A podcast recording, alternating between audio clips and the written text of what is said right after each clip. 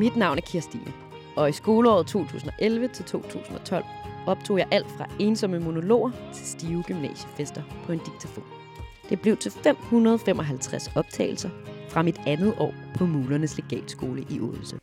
Ej, fuck, det bliver så mærkeligt at høre det her lort. Jeg kan også snakke med mig selv. Det er så mærkeligt, men det er fint.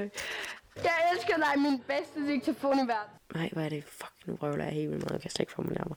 For nu bliver jeg mega nervøs over det. Ah, hvad, hvad, hvad? Den dag, jeg kommer til at høre det her lydbørn, der er man bare sådan her.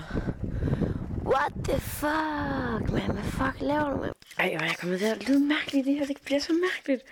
Når jeg lytter tilbage på dem, når jeg bliver sådan gammel eller sådan noget, så kommer jeg bare til at tænke, hvorfor snakkede jeg så fucking mærkeligt? Nu kan man måske godt sige, at jeg er blevet gammel eller sådan noget. For der er i hvert fald gået 10 år. Og hvis ikke I husker, hvad der skete for 10 år siden, så kan jeg fortælle, at Rihanna storhittede med We Found Love. Instagram var på vej ind, men vi skrev rent faktisk stadig på hinandens Facebook-væg. Det arabiske forår var lige begyndt, og Danmark fik sin første kvindelige statsminister. Men der er ikke nogen af de her ting, jeg nævner på min diktafon. I stedet så snakker jeg mest om mig selv og om andres opfattelser af, hvem jeg var. Jeg har både været flad af grin og krummet rigtig meget til over alt det, der skete for mig i 2G. Jeg ville gerne score, men drak mig tit alt for fuld. Jeg gik op i karakterer, men havde det stramt over at skulle række hånden op. Jeg elskede nøgenløb, men var langt fra tilfreds med det, jeg så foran spejlet.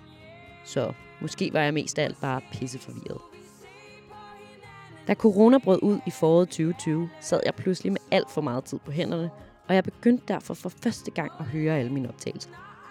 Og fordi jeg var så nice og sympatisk og klog at høre på, så tænkte jeg, det må jeg hellere dele med resten af verden. Derfor vil jeg igennem en række programmer tage på opdagelse i mine lydbånd, sammen med venner og bekendte, så vi sammen kan se tilbage på en tid, hvor det hele var så pissekompliceret, og alligevel så lejende lidt på samme tid. Måske kan vi ikke tabe til hinanden